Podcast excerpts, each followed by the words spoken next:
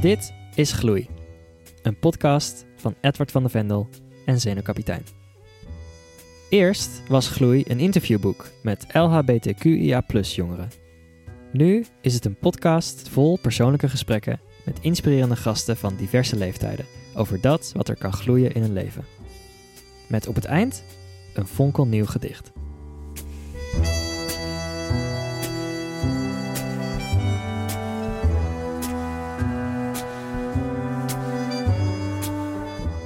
Michiel Hoijkaas is bioloog.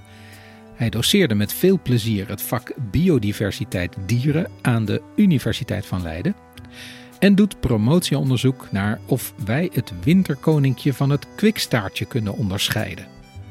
Daarnaast zijn hij en zijn man papa's van twee zoontjes en beijvert hij zich voor de zichtbaarheid van LHBTQIA-plussers in de wetenschap.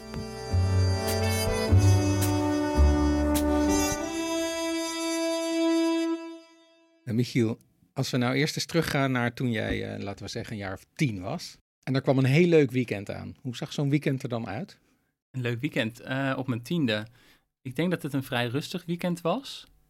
En ik denk, als ik zo een beetje terugdenk, dat het waarschijnlijk misschien een uitje was naar een bos. Of, of dat ik zelf naar de sloot liep uh, met mijn schepnet. En dat ik rondkeek wat er, wat er leefde. En ik denk zoiets. Of een dierentuin had ook nog gekund. Oh ja, ja. ja maar goed, we, we, gemeenschappelijk bos, ja. sloot, dierentuin is toch wel... Ik denk toch wel uitjes buiten, denk ik inderdaad. Ja. ja. Op zoek naar dieren of ook naar planten? Mijn moeder naar planten ook wel. Uh, maar wij, ja, voor mij, ik was toch wel echt op het wat bewoog en uh, meer gericht op dieren inderdaad dan, uh, dan op planten. Ja. Ik kreeg het wel een beetje van mijn moeder mee. Ik, mijn moeder is, heeft biologie gestudeerd, net als ik. En mijn vader scheikunde is later ook de biologiekant opgegaan. Dus ik heb wel echt van huis uit uh, het leven meegekregen om, om me, goed om me heen te kijken.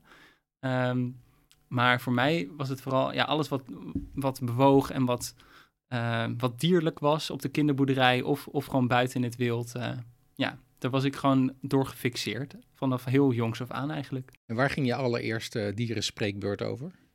Jeetje, um, ja, ik ben laatst ben ik mijn basisschoolwerkstukken gaan opruimen. Wat kwam ik ook weer tegen? Ik denk iets over het regenwoud en tijgers en aquariumvissen. Want dat is ook wel iets wat, uh, ja, wat van jongs af aan wat ik uh, heel leuk heb gevonden. Vissen, houden. En uh, dat komt van mijn overgrootvader die al vissen kweekte, uh, discusvissen. Laten we dat even, oh ja, aquarium. Dat moeten we even een beetje meer schetsen.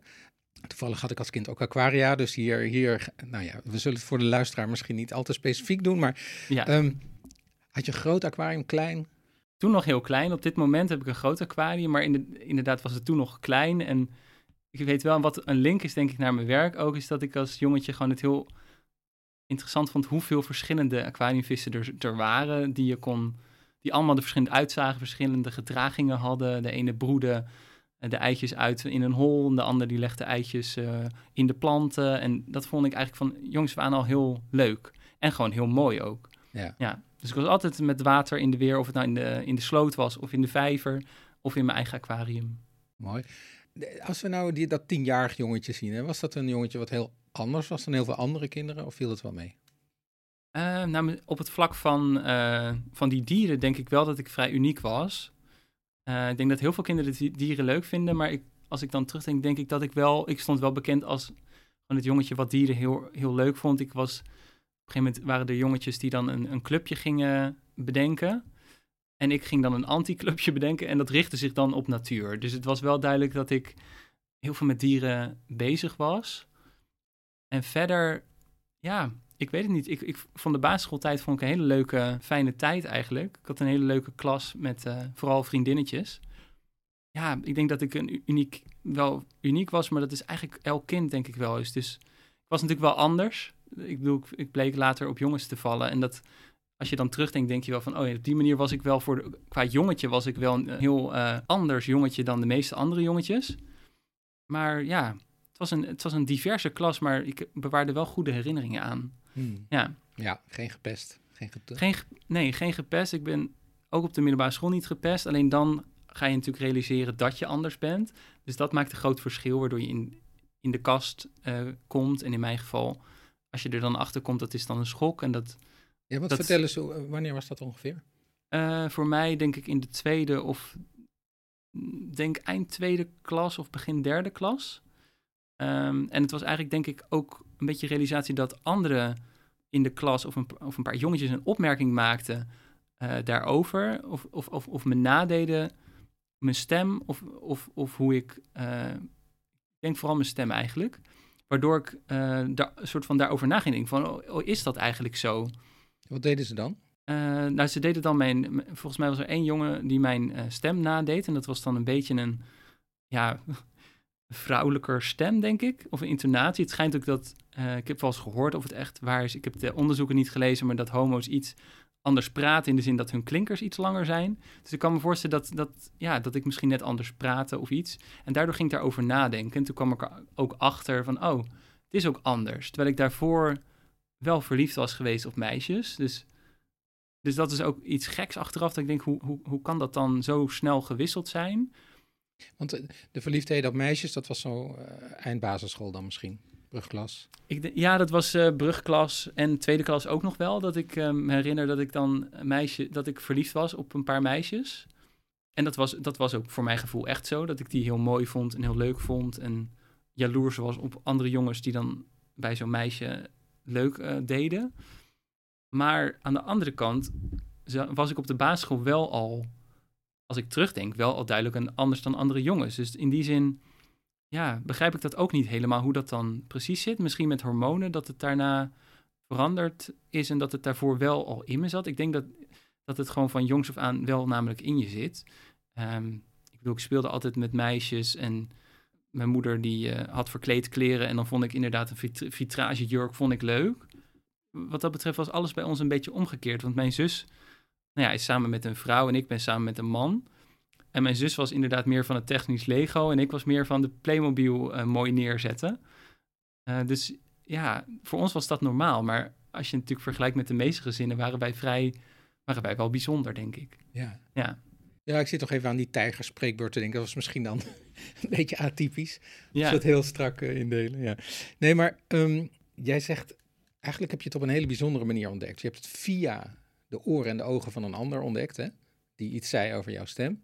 ja, ja, want ik, ik weet nog dat ik, en ik weet niet meer precies wanneer dat was, maar daarvoor, ik denk eind basisschool, heb ik een keer langsgezept op tv, of in ieder geval stond dat op. En dat was toen Catharine Keil, geloof ik. Dat ging dan over homo's. En er zat een jongen die dan vertelde hoe dat was om uit de kast te komen. En toen dacht ik, oh, wat, wat erg als je dat mee moet maken. Want ik zag dat die jongen, die vertelde dan dat hij in de kast had gezeten... en hoe moeilijk het was om anders te zijn. Dus ik leefde heel erg met die jongen mee van, oh, het zal je maar overkomen. Maar ja, dus op dat moment was het voor mij nog niet zo dat ik me zo voelde, helemaal niet. En pas later bleek dus, eh, in de derde, nou begin derde klas denk ik dat het dus was... Ja, dat ik dus die jongen als het ware was. Ja, Ja. En we hadden het er straks over de basisschool die heel fijn was, waar niet gepest werd. Was dat, dat was dus een beetje anders op de middelbare school? Ja, ik ben ook daar niet gepest, maar ik heb daar wel ervaren dat je... eh, kijk, als je erachter komt dat je anders bent, dan ben je een soort van op je hoede. Dus je hebt een soort... Je hebt iets waar je eh, voor schaamt. Want je hebt op dat moment had ik het idee dat ik beter hetero had kunnen zijn... en dat ik ja, gewoon een normale jongen had, eh, dat dat beter was geweest. Al was het maar omdat mijn ouders dan... later meer kans hadden gemaakt om bijvoorbeeld eh, kleinkinderen te krijgen. Of dat soort dingen eh, spelen dan in je hoofd meteen, denk ik. Dus het is, meer, het is niet per se, het is niet pesten. Maar het is meer dat je met een geheim rondloopt.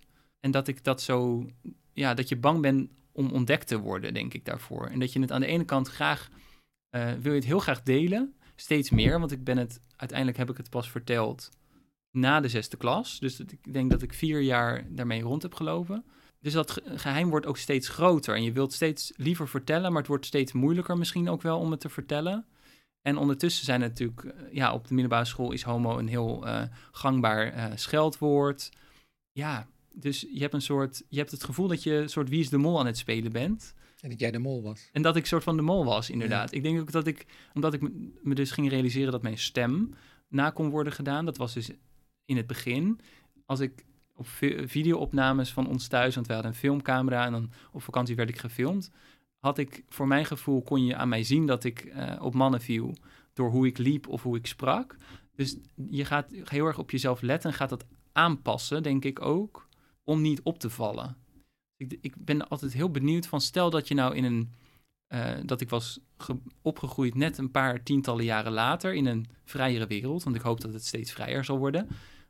Was ik dan, hoe was ik dan eh, ontwikkeld? Was ik dan iets frivoler in mijn bewegingen of stem eh, geworden of gebleven, zeg maar? Of ben ik nu wel weer echt mezelf?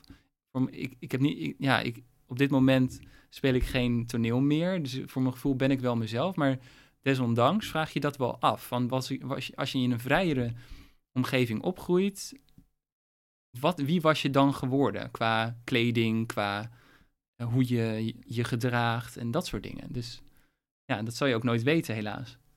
Nee, en stel je je dat een beetje voor? He- Heb je een denkrichting? Hoe, hoe anders zou het zijn geweest? Nou, ik denk zeker dat in de, zeg maar, mijn studietijd, als ik eerder, als ik niet in de kast was zijn geraakt, dan denk ik dat ik wel, ehm, dat, dat mijn hele soort van leerproces van mezelf leren kennen, dat, je, dat dat sneller verloopt. Dus dat je sneller je fijn voelt en blij bent met, je, met jezelf. Eh, en dat je misschien ook meer durft jezelf te zijn ook. Dus je wint er denk ik ook gewoon tijd mee. Dat je, ja, ik denk dat ik eind basisschool juist met, met die schoolmusical bijvoorbeeld vrij extrovert was. En dat vond ik toen heel leuk. En ik heb het gevoel dat ik daarna juist weer een beetje op de, op de achtergrond heb gehouden. Wat heel veel kinderen op de middelbare school sowieso denk ik doen. Maar dat is eigenlijk zonde. Je wil eigenlijk weten hoe eh, zou een kind die hoe heeft dat hij gewoon zichzelf kan blijven zijn. Hoe zou het dan gaan? Dat zal je dus nooit Nee. echt weten. nee. Ben je verliefd geweest in die jaren? Ehm, echt verliefd. Ehm, op de middelbare school niet. Wel dat je jongens leuk vindt, gewoon qua uiterlijk. Maar niet, niet verliefd. Nee, verliefd ehm, ken ik meer van mijn studietijd. Inderdaad, eh, dat ik eh, op een studiegenoot eh, echt verliefd ben geworden. En dat, zoals heel veel homo's, denk ik, schat ik zo in, die dan verliefd worden op een hetero jongen. Eh, dus een onbeantwoorde liefde. En ik denk dat verliefdheid daar nog sterker juist van kan worden als het onbeantwoord eh, is.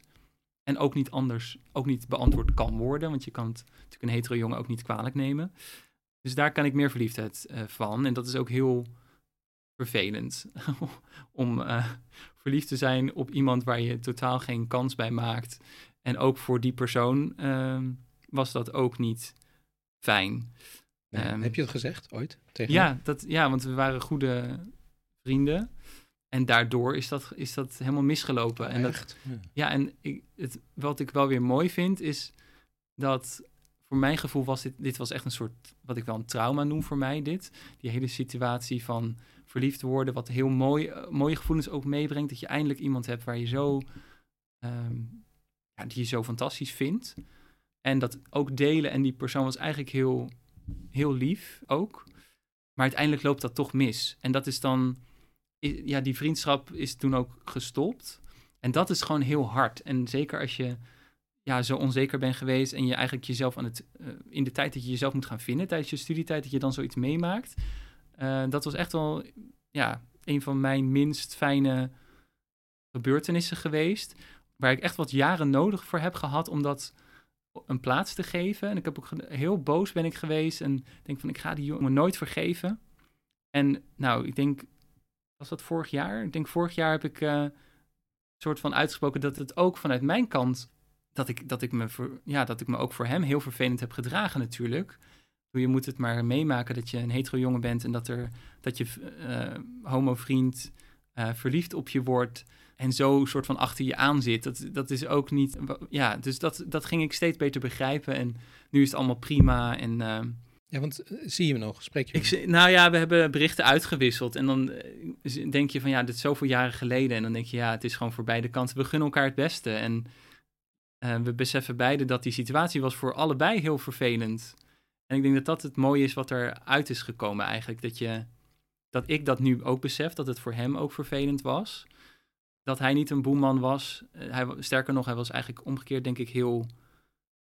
Ja, misschien ehm, juist te lief. Ehm, ja, het, het is, was gewoon een situatie waar niks uit kon komen. En een soort onmogelijke situatie. En ja, ik zou het leuk vinden om nog een keer eh, te spreken. Maar ja, het is zoveel jaren natuurlijk ook geleden. Maar ik denk dat we ieder nu ons eigen leven hebben. En uh, ik gun hem het beste en hij gunt mij het beste. En ja. Dat is al mooi, maar je noemt het toch nog steeds een trauma. Dus misschien is er nog een...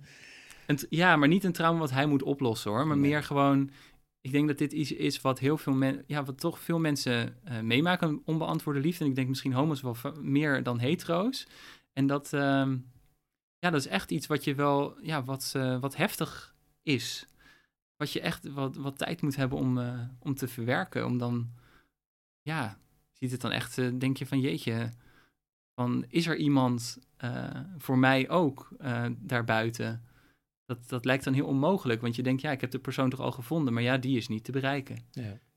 Ja. ja, nou dat vroeg me af wat voor gevolgen dat dan voor daarna heeft gehad. Dus dat had in ieder geval het idee van, nou ja, dat gaat dus nooit meer lukken, want... Uh... Op dat moment, ja. ja. Ja, ik denk dat mijn partner Gijs is echt, uh, ja, die is mijn redding wat dat betreft uh, geweest. Wat, hoe, was dat de volgende waar je verliefd op werd? Ja, echt verliefd wel. Ja. ja, daartussen zat denk ik een periode dat ik niemand echt leuk kon vonden. Misschien wel aangetrokken kon voelen tot uh, gewoon hoe iemand eruit zag. Maar niet echt verliefd. Want dat is gewoon, als je echt een krachtige verliefdheid meemaakt, dan ben je daar niet zomaar overheen. Um, maar inderdaad, Gijs was wel de volgende die, waar ik echt mijn hart voor open kon zetten. En waarvan ik geleerd heb wat, wat liefde is. In plaats van.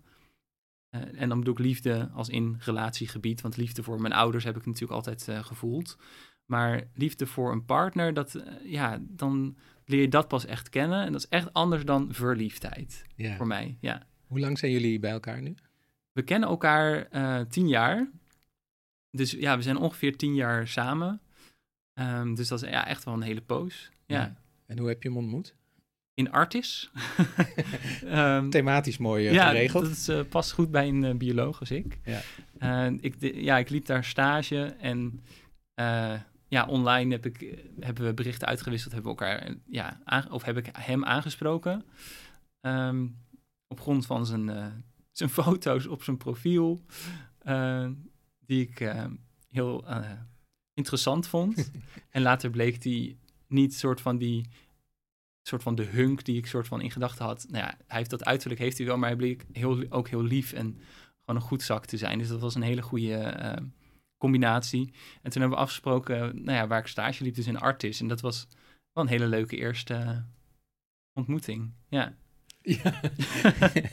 Langs welke dieren liep je? Langs welke, nou, dat weet ik. Dat waren toevallig waren dat bijvoorbeeld de algazellen.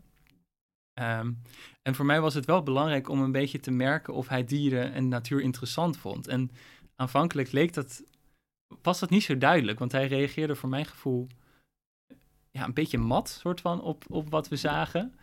En dat heb ik later ook wel verteld, maar dat was helemaal niet bewust. En hij vindt dieren hartstikke leuk. En uh, ja, hij gaat graag met mij kijken wat er allemaal leeft. Maar toen kreeg ik daar niet, zo, niet zoveel hoogte van. Dus um, ja. Had je, had je het voorbereid dat je bedacht, we gaan deze route lopen? Want... Ja, dat is een goede vraag. Had ik dat bedacht? Ik, ik denk niet dat ik zo had uitgedacht. Ik had wel bedacht van, oh, dan gaan we nog even bij de gorilla's kijken. Want er was een, een baby gorilla, dus dat vond ik heel schattig. En dan zie je ook, ja, gewoon de. Gewoon wij mensen zijn natuurlijk ook gewoon dieren. En als je zo'n gorilla-moeder ziet met de, met de baby, dan denk je ook, ja, er zit ook weinig scheidingslijn tussen mensen en dieren, zeg maar. En dat vind ik ook iets heel moois. Om, uh, ja, is precies een, een mensenmoeder met een baby is precies hetzelfde voor, als je dat ziet. Ja. ja. En dat was iets wat, uh, wat je best wilde Dat wilde ik wel zien. laten zien, ja. ja. inderdaad. Ja, en verder gewoon natuurlijk rondlopen en... Uh, ja, maar ja, wat, wat gebeurde er bij die gazellen dan? Waarom noemde je die net als eerste? Nou, daar kwamen we wel toeval, min of meer toevallig langs hoor. Maar dat zijn, uh, ja, dat zijn dieren die je niet zo vaak ziet, ook in dierentuinen niet. Dus dat vond ik ook wel leuk om, uh, ja, ook, ook, leuk om te laten zien ook wel. Ja, ja. ja. Maar het was, uh, na, naast dat al het andere beviel, was er niet meteen gejuich van zijn kant. Of in ieder geval dacht jij, nou, nou ik moest, het moest inderdaad nog wat, wat aftasten inderdaad. en dat kwam wel steeds meer tijdens die rondleiding door de dierentuin. En ja, later heb ik hem natuurlijk pas echt leren kennen. Maar ik denk inderdaad, ik had, ja, ik denk ik match gewoon goed met mensen die dat wel interessant of in ieder geval leuk vinden. En ik denk als, als ik had gemerkt van hij vindt dieren alleen maar vies en stinken, zeg maar, dat, dat, dat is wel iets moeilijker gemaakt. Ja. Dus eh, ja. Nou, dat was misschien niet verder gegaan dan die ene. Nee, dan hadden we waarschijnlijk wel een leuke date gehad, maar dan had ik denk ik minder snel een toekomst voor me gezien. Ja. Ja. Ja. Wat was, jij zei net, eh, het, het verschil tussen verliefdheid en liefde en echt relatieliefde. Hè? En, en dat- het nu zo mooi is dat je dat zo ervaart Ja. met hem. Wat, wat, ma wat, dat is een persoonlijke vraag, maar wat in hem maakt het nu dat je denkt, ja, maar dit, dit gaat eeuwig duren? Ehm, ja, ik denk, ja, wat is, wat is liefde? Dat is gewoon een soort van zelfsprekendheid die je weet dat je gewoon voor elkaar altijd wil blijven klaarstaan. En het, het gaat gewoon verder dan aantrekkingskracht. Ik denk, ik zelf wel eens van als je, hoe ik het tenminste zie in een relatie, wil je, of zou ik willen, een, goede, wil je aantrekkingskracht. Dus je moet elkaar gewoon eh, aantrekkelijk vinden. Het moet rationeel, moet het gewoon matchen als er heel, heel veel praktische lastigheden zitten van... Ik weet niet, als je woont aan het andere eind van de wereld... en je kan niet verhuizen allebei, dat maakt het gewoon moeilijker. Dus dat was ook handig. Maar gewoon echt om elkaar geven en ja, weten dat je voor elkaar klaar staat als er wat gebeurt. En met elkaar matchen. Ook wel op wat je interessant vindt. Ik denk dat de humor, daar matchen we gewoon goed. Dat we dus om dezelfde dingetjes kunnen lachen... waar andere mensen waarschijnlijk helemaal niet, helemaal niet om zullen lachen. Eh, overal gezichtjes inzien bijvoorbeeld. Ehm, Oh, dat is iets wat jullie gemeenschappelijk bijvoorbeeld, ja, in, Ja. in gewoon eh, objecten in huis of zo. Of eh, daar kan je dan oogjes met, daar, daar zie je dan iets in en dat hebben wij heel sterk. Visueel, eigenlijk visuele humor, soort van dat je ergens iets grappigs inziet.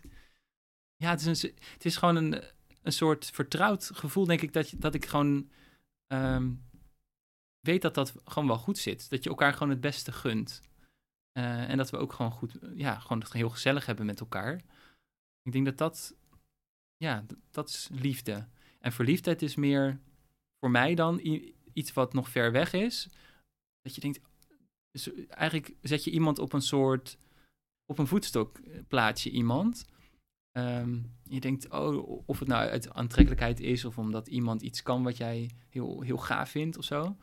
Ja, liefde is eh, weten hoe ook iemand heel goed kennen, denk ik dat ook gewoon. En ja, die vertrouwdheid en die band voelen en eh, Een, een van de grootste eh, beloftes misschien wel die jullie aan elkaar gedaan hebben, is dat jullie beide papa's zijn. Dat er twee kinderen Ja. zijn. Hoe, hoe, hoe is dat gegaan? Hoe, hoe ontstond die? dat is wel, ja, dat is inderdaad wel een van de ja, bijzondere dingen in ons leven. Is dat er, in, ja, dat er twee kleintjes zijn. En dat, nou ja, dat komt ook vanwege de bijzondere situatie van, van mijn gezin vroeger. Omdat nou, ik bleek op mannen te vallen en mijn zus bleek op vrouwen te vallen.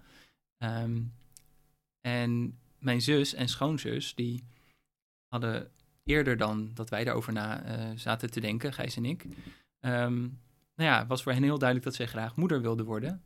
En dus hebben we in die tijd, eh, hebben zij ook gevraagd eh, op een gegeven moment hoe wij daarover zouden denken.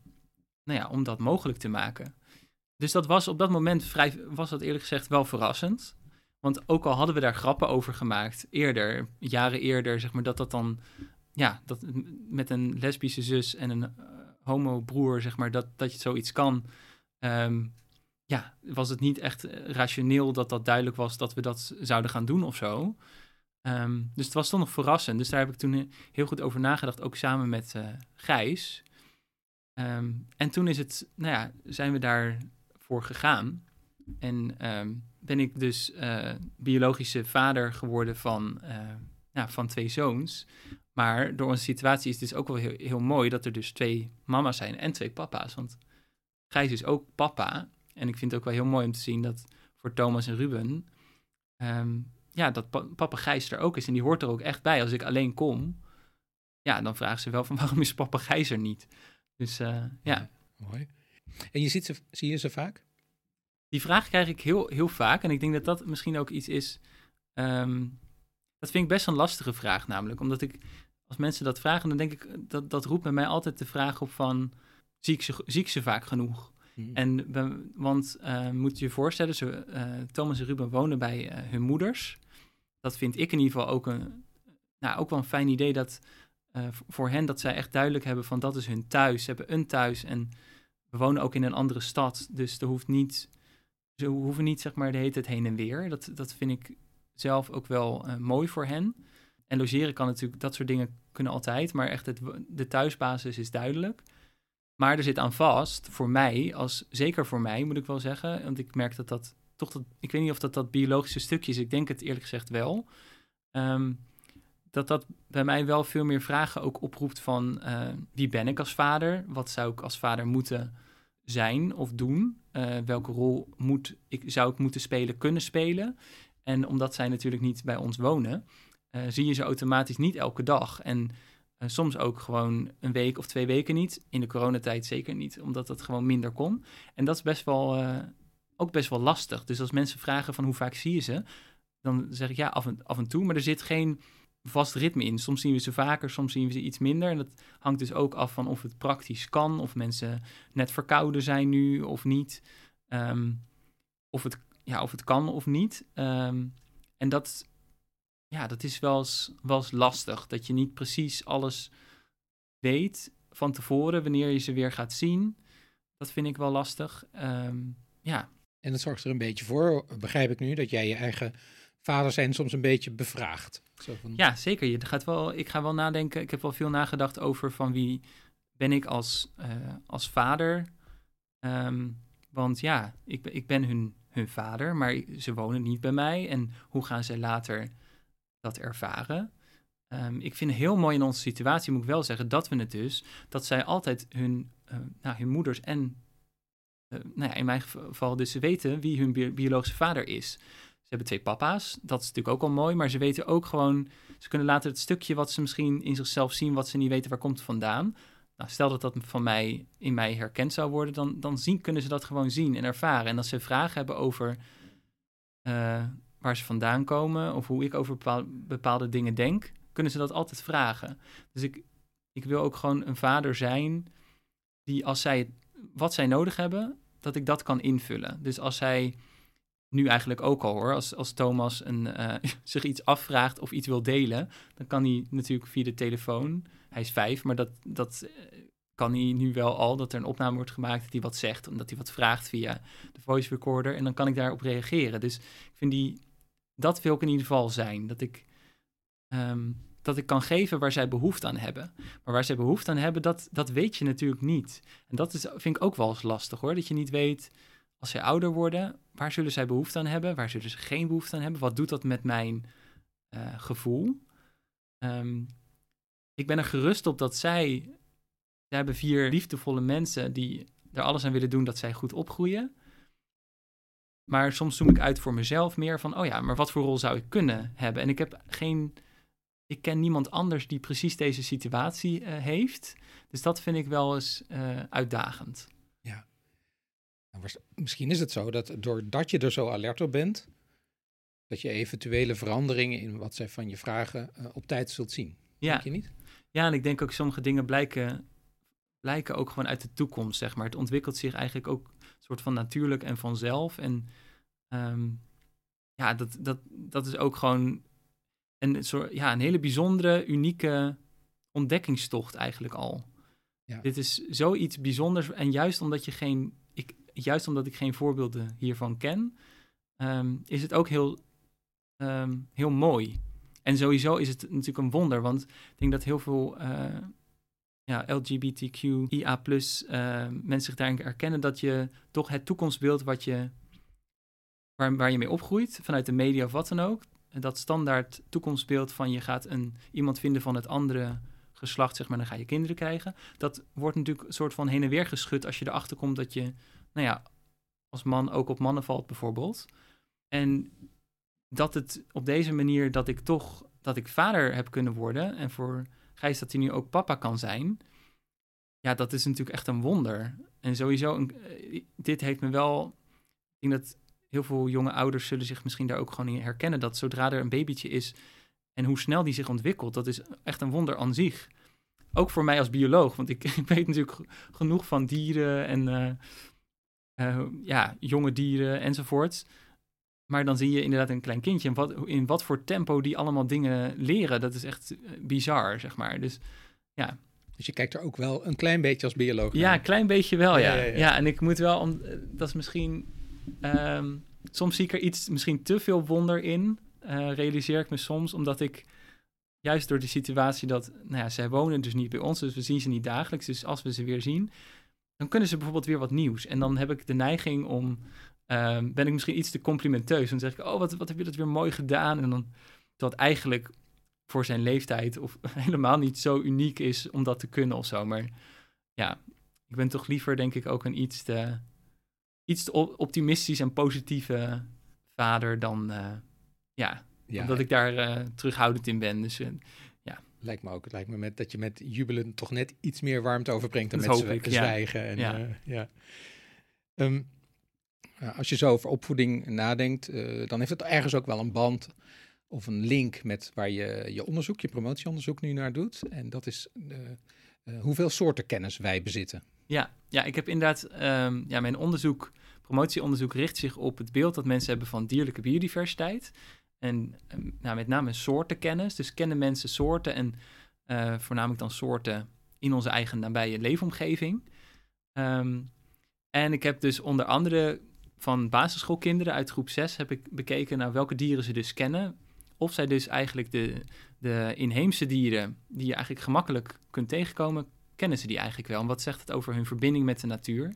Ja, kwamen toch onthutsende resultaten uit. Ja, vond ik toch wel. Ik, ik vond het. Ehm, we hebben niet alleen naar kinderen gekeken, ook naar bijvoorbeeld professionals die iets met, uh, met dieren doen in hun werk. Logisch dat die natuurlijk meer dieren kennen dan uh, basisschoolkinderen. Maar ik vond toch um, uiteindelijk dat uh, kinderen, nou, zo één op de drie van de dieren uit de dierenquiz kenden. En dat was toch nog lager dan ik had verwacht. Want de dieren die we erin hadden gestopt, waren toch hele uh, nou, dieren die veel geteld worden bij zo'n tuinvogeltelling bijvoorbeeld, of een, uh, de jaarlijkse spinnentelling. daar heb ik soorten uitgehaald, zeg maar, die veel gezien worden. En juist die, nou, die worden dus heel slecht herkend door jonge kinderen. Ja, want heel concreet waren er dus ook een heleboel kinderen die een mus niet herkenden. Ja, ja minder dan 1 op de 5 kinderen, ik geloof minder dan 1 op de 6 zelfs, herkenden de huismus. die toch ja, het meest wordt geteld vaak tijdens de jaarlijkse tuinvogeltelling. Ja, dus dat vind ik wel, uh, dat, dat zegt wel iets. Het zegt iets over nou, de verbinding van die kinderen met nou, wat er om ons heen leeft. En die verbinding is dus nou ja, niet zo duidelijk aanwezig. Uh, zeker op het gebied van vogels. En uh, nou ja, we hadden ook een paar vlinders ingestopt, die kenden de kinderen ook niet. Die kwamen niet verder dan vlinder. Dus dat, dat beeld van biodiversiteit is heel beperkt nog bij kinderen. En natuurlijk, die kinderen zijn jong, dus je kan daar gelukkig eh, ik zou het ze gunnen, zeg maar, om nog eh, in hun leven nog dieren te leren kennen. Maar als ik terugdenk aan mezelf als klein jongetje, dan... Ik vond dieren dus heel leuk, dus ik ging uit mezelf, ontdekte ik al van alles. En ik denk dat ik, ja, de huismus kende ik echt wel toen eh, op die leeftijd. Dus het is ook zonde om die boot te missen. Dus het zet me wel aan het denken van, wat kan je er... Um, het zou toch echt mooi zijn om kinderen, ook volwassenen, gewoon eigenlijk hun ogen te openen voor wat er allemaal voor moois is. Dat is toch iets wat ik uh, uit mijn onderzoek haal. Maar als we het schetsen tegen wereldwijd, er is een 1 miljoen soorten is met uitsterven bedreigd. 1 miljoen soorten, dat is ongelooflijk veel. Gaat ook in hoog tempo. Mm -hmm. uh, Nederland is ook nog weer eens op dat gebied, op kennis en op, op uh, zorg voor verschillende diersoorten, een van de slechtst scorende landen. Um, dus jij zegt net, ja, het is mooi als die soorten kennis er is, maar het is toch ook meer dan mooi? Het is ja. toch ook nodig? Ja, er zijn eigenlijk, je, je zou kunnen zeggen, soortkennis is waardevol voor jezelf als mens, want je, het is verrijkend, het is heel, heel mooi om te zien wat er leeft. Dat, eh, dat is ja, gewoon bijzonder om eigenlijk het, leven van dieren te leren kennen. Dat, dat kan heel waardevol zijn. Het kan heel interessant zijn. Het kan ook waardevol zijn omdat je bijvoorbeeld weet wat giftig is, wat niet giftig is. Dus het kan ook wel relevant zijn om uh, giftige soorten te herkennen van niet giftige of gevaarlijke soorten. Maar inderdaad, het is voor die soorten zelf ook waardevol als ze gekend worden. Want um, ja, onbekend maakt onbemind. Bemind maakt vaak bemind. En zeker nu er de biodiversiteit zo onder druk staat, zou het heel mooi zijn als mensen biodiversiteit kennen en via die weg ook uh, nou, dat gaan waarderen.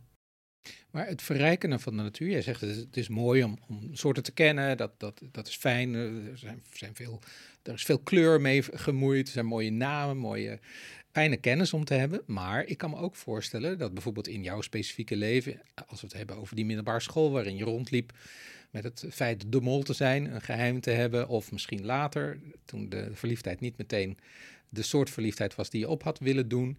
dat de natuur daar ook een, een, een, een rol in heeft gespeeld. Ehm, ja, je bedoelt in mijn persoonlijke leven als een soort troost. Of, Bijvoorbeeld, ja, ik weet het niet of dat zo is.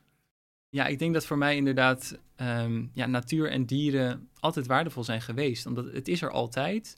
Ehm, dieren vellen geen oordeel over jou als persoon. Ehm, dus ja, dieren zijn altijd vertrouwd. Of het nou de huisdieren thuis zijn of gewoon de, de schoonheid wat er om je heen aanwezig is.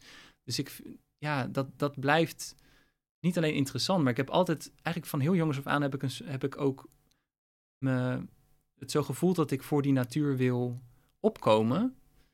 En eigenlijk vanaf dat jongetje van tien of nog eerder, is dat eigenlijk altijd zo gebleven. En ehm, heb ik dat nog steeds eigenlijk, dat ik misschien ook voor wat de natuur en wat dieren voor mij terugdoen, ja, dat ik dat omgekeerd eigenlijk ook wil. Ik wil graag dat mensen ook die schoonheid zien, zodat het behouden blijft. En zodat mensen ja, goed met, zo goed mogelijk eigenlijk met natuur omgaan. Of nou in hun eigen tuin is of eh, in het buitenland. Ja. En daar kun je, op dat vlak kun je een heleboel dingen doen. Een, een van de, moet even denken aan een van de onderdelen van jouw eh, promotieonderzoek. Je hebt bijvoorbeeld het, de afbeeldingen van dieren op kinderkleding bekeken. Waarom, Ja. waarom heb je dat onderzocht? Nou, eigenlijk met het idee dat ehm, nou ja, onze wereld raakt steeds verder verstedelijkt. En mensen raken eigenlijk steeds meer op afstand van natuur. En dat deels is dat fysiek, omdat er gewoon minder wildernis om ons heen is. Zeker ook in een land als Nederland. Maar een deel is ook mentaal, zeg maar. Raken we op afstand van de natuur. Omdat we er. We hebben het niet zo direct meer nodig. We hoeven niet meer naar buiten om eh, te jagen voor ons voedsel of daar wat uit te halen. Dus het, automatisch wordt het iets afstandelijker. Ehm, en we komen daardoor minder snel eigenlijk in aanraking met die, met die soorten ook. Die zijn er wel. Ook in steden is er van alles. Maar er zijn als het ware barrières daar, daartoe. Maar als je erover nadenkt, kom je in je leven wel, in je dagelijks leven, kom je steeds dieren tegen. Hier net op de toilet bijvoorbeeld, zag ik nog een pinguïn staan. Ehm, dus met andere woorden, in de cultuur komen ook heel veel dieren voor. En ik vond het interessant om daar onderzoek aan te doen, omdat het ook misschien een soort tegenwicht zou kunnen bieden aan het verlies aan directe ervaringen met natuur. Eh, en via die weg zou je dus ook ehm, nou, misschien wat, wat kennis kunnen opdoen aan dierlijke biodiversiteit. En al zou het niet zo zijn, ook dan is het wel interessant om dat te weten, want we weten niet precies wat de invloed is van die culturele representaties van dieren. Dus dat alleen al maakt het interessant om te kijken van wat voor beeld van biodiversiteit wordt er gepresenteerd door dat soort producten. En dan blijkt dat op kinderkleding eh, dat ook nog vaak met, met gender te maken heeft, toch? Ja, klopt. Ja. Als je kijkt naar jongens- en meisjeskleding, ehm, dan zie je dat daar ook verschil in zit. Dat bijvoorbeeld dinosaurussen volop voorkwamen op jongenskleding, geen enkele dinosaurus op meisjeskleding en vlinders. Nou ja, best wel veel vlinders, dat waren dan de ongewervelden die wel voorkwamen, die op meisjeskleding en geen enkele op jongenskleding. En ik heb ook nog, ik had een, ehm, een foto meegenomen als voorbeeld, want er is nog een bedenkelijk verschil tussen die kledingstukken van jongens en meisjes. Dan moet ik zeggen, ehm, kledingstukken gericht op jongens en meisjes, want wat mij betreft trek je gewoon aan wat je wil aantrekken natuurlijk. Ja. Gemarket voor jongens of Ja, meisjes? dat is gemarket, dat, zo. dat zou ik moeten zeggen. Ja. Dit is een ehm, kledingstuk, een afbeelding van een ijsbeer gericht op eh, meisjes en dit op, eh, gericht op eh, jongens. Op het plaatje van de ijsbeer op ehm, meisjesgerichte kleding, daar zien we een roze achtergrond. We zien dat de ijsbeer een sjaaltje om heeft. En we zien eh, Vooral ook blozende wangen. Je Blozende ziet blozende wangen en je ziet lange wimpers. Dus Ja. een, een- het zijn vrouwelijke ogen. Ehm, en je ziet nou, een, een kroontje. Vaak zagen wij dus zo'n zo'n mooie strik eh, die die dieren op meisjeskleding hadden. Ja. En kijk je naar dezelfde dieren, dus de ijsbeer op jongenskleding. Nou, die heeft dat allemaal niet. Die heeft gewoon een stoere backpack op zijn rug. ja. En die trekt de wijde wereld in. Ja. Eh, nou, dit is toch ook wel bedenkelijk. Want ja, het, het geeft natuurlijk heel erg dat, dat beeld mee aan ouders en aan kinderen van hoe je, wat er bij jou past als meisje of als jongen. En ja, dat vind ik zelf, als ik dan ook even als spreek als eh, papa, vind ik dat wel gewoon jammer, spijtig. Ehm, ik vind er, er is niks met een, mis met een eh, prinsessenjurk of met een st- eh, stoere trui. Maar het is nu zo ehm, gescheiden bij veel eh, kledingstukken. En dus ook die biodiversiteit. Die wordt dus ook bedacht van, nou, deze dieren passen bij meisjes, deze dieren passen bij jongens. En we gaan die dieren ook nog eens vervrouwelijken of stoer houden. of stoer maken. Ja, dat vind ik toch wel apart. Ja. Benadrukt stereotypen en eh, ja, misschien zelfs zou het kunnen voor, voor kunnen zorgen dat meisjes bepaalde dieren leuk gaan vinden en jongens andere dieren. En ja, ik weet niet, biodiversiteit is toch niet iets wat je in moet delen in, voor jongens of voor meisjes. Nee, want wat we denk ik ook te weinig weten is dat de, de dierenwereld dat binaire onderscheid tussen mannetjes en vrouwtjes heel vaak helemaal niet kent. Nee, ja, er zijn allerlei uitzonderingen mogelijk eh, in, de, in de dierenwereld inderdaad. Eh, nou denk maar aan eh, slakken. Je hebt anemoonvissen die hun leven starten als mannetje en die als, er, ehm, als het vrouwtje sterft, wordt het grootste mannetje ondergaat een transformatie en wordt de vrouw. Ehm, Het zeepaardje.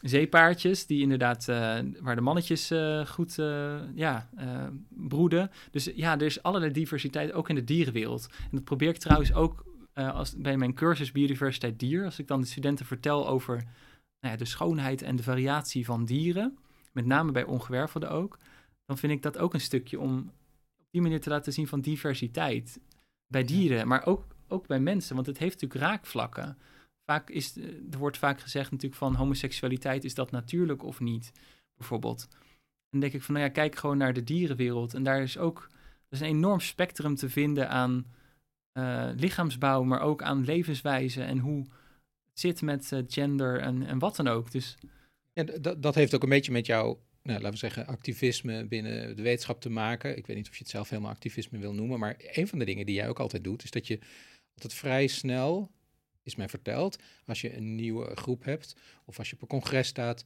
eh, je man noemt. Ja, ja ik, ik ben inderdaad ehm, nou, niet zozeer eh, activistisch als dat ik de barricades zeg maar eh, opga. Of dat ik aan het begin van mijn college zeg van... Goedemorgen allemaal, ik ben homo en ik heet Michiel zo. Dat natuurlijk niet. Maar ik vind het belangrijk om dat, dat je moet kunnen delen wie of wat je bent. En ik denk ook dat, dat het heel normaal is voor veel hetero's om gewoon terloops te noemen dat eh, je kinderen thuis of je vrouw of je man, dat er iets mee was of wat dan ook. En je denkt daar, of ik althans, je denkt daar bewuster bij na. Eh, of je dat wel of niet zal noemen. Eh, je komt erachter dat je ehm, niet één keer uit de kast komt, maar dat je je hele leven door uit de kast gaat komen. Dus een van de redenen om bijvoorbeeld dat meteen te laten blijken, is ook om te voorkomen dat je soort van terug in de kast schiet. Dat, dat vind ik zelf fijn, dat dan gelijk duidelijk is voor de groep van, nou, ze weten gewoon hoe het zit. Maar ik doe het ook inderdaad wel bewust om te laten merken aan de groep dat het voorkomt. En dat ik gewoon, dat ik een vriend heb. Dus dan doe ik gewoon heel terloops, dan laat ik gewoon een foto zien, ook wat bruikbaar is. Ik, bijvoorbeeld een foto van, een, eh, van de voet van eh, Gijs met een ammoniet, om te laten zien hoe groot die ammonietfossiel is. En heel subtiel is dan voor, die, ehm, nou, voor de groep ook gelijk duidelijk van, oh ja, hij heeft een vriend. En dat ja, wordt helemaal niet eh, overdreven eh, aandacht op dat moment op gevestigd. Maar het is gewoon iets wat erbij hoort, wat heel, heel normaal is. En ik heb ook wel eens gehoord van, ehm, van een, een voormalig student die dan later ook bij mijn cursus kwam helpen. Dat die zei van het was heel fijn om iemand nou, te zien een keer die eh, als, ja, als rolmodel. En dat herken ik zelf ook, dat het toch, het is gewoon fijn om diversiteit ook aan mensen te zien waar je ook komt. En ook in het onderwijs, dat je, ja, dat die er ook zijn, zeg maar. Zeker, ja. Je hebt een, een prachtig, eh, ja, het is misschien als grap bedoeld, maar als een plannetje eh, om, iets duidelijk te maken over biodiversiteit rondom RuPaul's Drag Race. Oh jeetje, ja, inderdaad. Of misschien is het meer een wens van je. Nou ja, als, eh, als de makers van het programma dit horen inderdaad. ik, ik dacht, ehm, nou ja, de dierenwereld is gewoon ontzettend mooi. En er is enorme diversiteit die niet iedereen kent. En dat zie je ook bij kledingontwerpers. Dan zag ik die kledingstukken en dan dacht ik, ja, maar er is zoveel meer. En je kan volgens mij zouden ontwerpers van kleding, ook high fashion en zo, zouden toch het dierrijk heel goed kunnen gebruiken als inspiratiebron. Dus toen dacht ik, nou, het zou eigenlijk heel erg mooi zijn als RuPaul's Drag Race, ja, bijvoorbeeld vogels, inheemse vogels een keer neemt als, eh, als opdracht. Ja. Dat je op grond daarvan een kledingstuk ontwerpt. En dat kan dan ook semi-abstract zijn. Maar dat zou heel gaaf zijn. En ik zit heel graag in de jury als het, uh, als het ervan komt. Om het winterkoninkje te beoordelen. Ja. Of het goudhaantje. Ja, inderdaad. Ja. ja. De pimpelmees. Volgens mij wordt dat een heel mooi kledingstuk. Hele mooie jurk of iets. Ja, ja. ja, Ten slotte, um, in de coronatijd, maar sowieso uh, heb jij moeten improviseren als docent ook wel. Je hebt, je hebt heel, heel erg leuke filmpjes gemaakt voor je studenten. Sommige staan online. Maar een van de dingen die je ook doet, is liedjes maken soms. En um, ik hoop zo erg dat je, dat je een liedje wil zingen voor ons. Ja, ik, ga het, uh, ik zal het proberen. Ik uh, vind het inderdaad leuk om, om liedjes te schrijven. En, um, en inderdaad, tijdens mijn onderwijs, meestal dan aan het eind van de cursus, dan vind ik het leuk om dan de studenten te verrassen en dan opeens met gitaar binnen te lopen. Vaak is dat dan uh, als ik jarig ben geweest of op mijn verjaardag. En dan inderdaad niet alleen zeg maar, zo'n verjaardagsliedje in ontvangst te nemen, maar iets terug te kunnen doen. Dus zo is het eigenlijk ontstaan. Dat ik op mijn verjaardag een liedje voor de studenten zing. En nu um, ook als uitdaging naar mezelf, omdat ik behoorlijk uh, eng vind altijd om uh, te zingen voor mensen. Maar ook heel gaaf om te doen, achteraf gezien vooral. dus, um, en zodoende had ik ook een liedje geschreven over, um, over mijn onderzoek. Over biodiversiteit. Ja. Ja, nou, ik uh, ben benieuwd. Can you identify what you see when you see birds, mammals, flowers, or trees? Can you recognize what species you find when you come across a species? Can you tell me what it is, what kind? There are millions of species in this wide world, all around us, great and small surround you. But do you know who they all are? Many of them are not living far away at all. Can you identify what you see? You see a bird like a jackdaw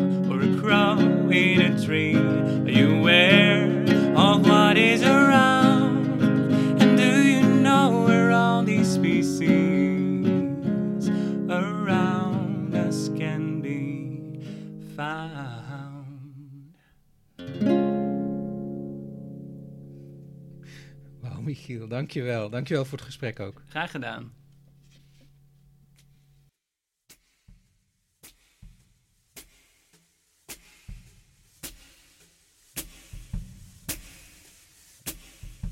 Bij dit gesprek maakte Tom Weijenberg een gedicht.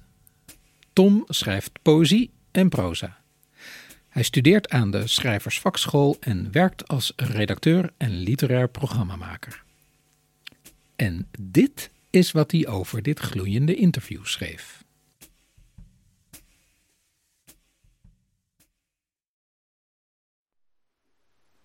Het jongetje dat dieren leuk vindt.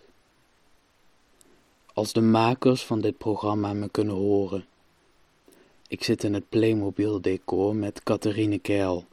Ze vraagt hoe het is voor levendbarende visjes om gelijk rond te zwemmen tussen tetra's en cycliden. Mijn antwoord in langgerekte bubbels. Bij ons is alles omgekeerd.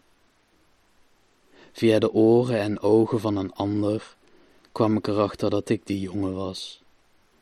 Een jongen die overal gezichtjes inziet een pinguïn tegenkomt op het toilet, een mol verkleed als gazelle, meisjesijsberen met kroontjes en strikjes, in een roze poollandschap ijsbeert een jongen, hij telt goudhaantjes, één, twee gorillababy's, omringd door zes grootouders, niet vier. In Artis en Hunk niet helemaal zoals ik me hem had voorgesteld. Hij stapte uit de PowerPoint-slide, zijn voeten groot als ammonieten. Ik noem hem mijn man. Ooit wil ik discusvissen houden. Ik heb al een hele dierentuin in mijn kledingkast.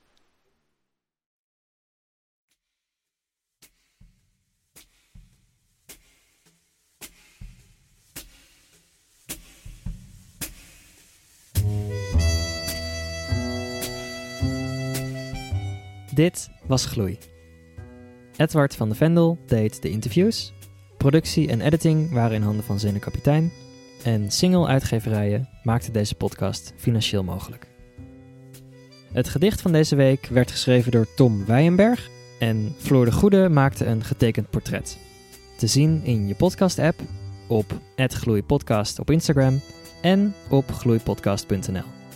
Daar vind je ook de tekst van het gedicht, ons mailadres en alle afleveringen bij elkaar. Volgende week woensdag komt er weer een nieuw gesprek online. Tot dan!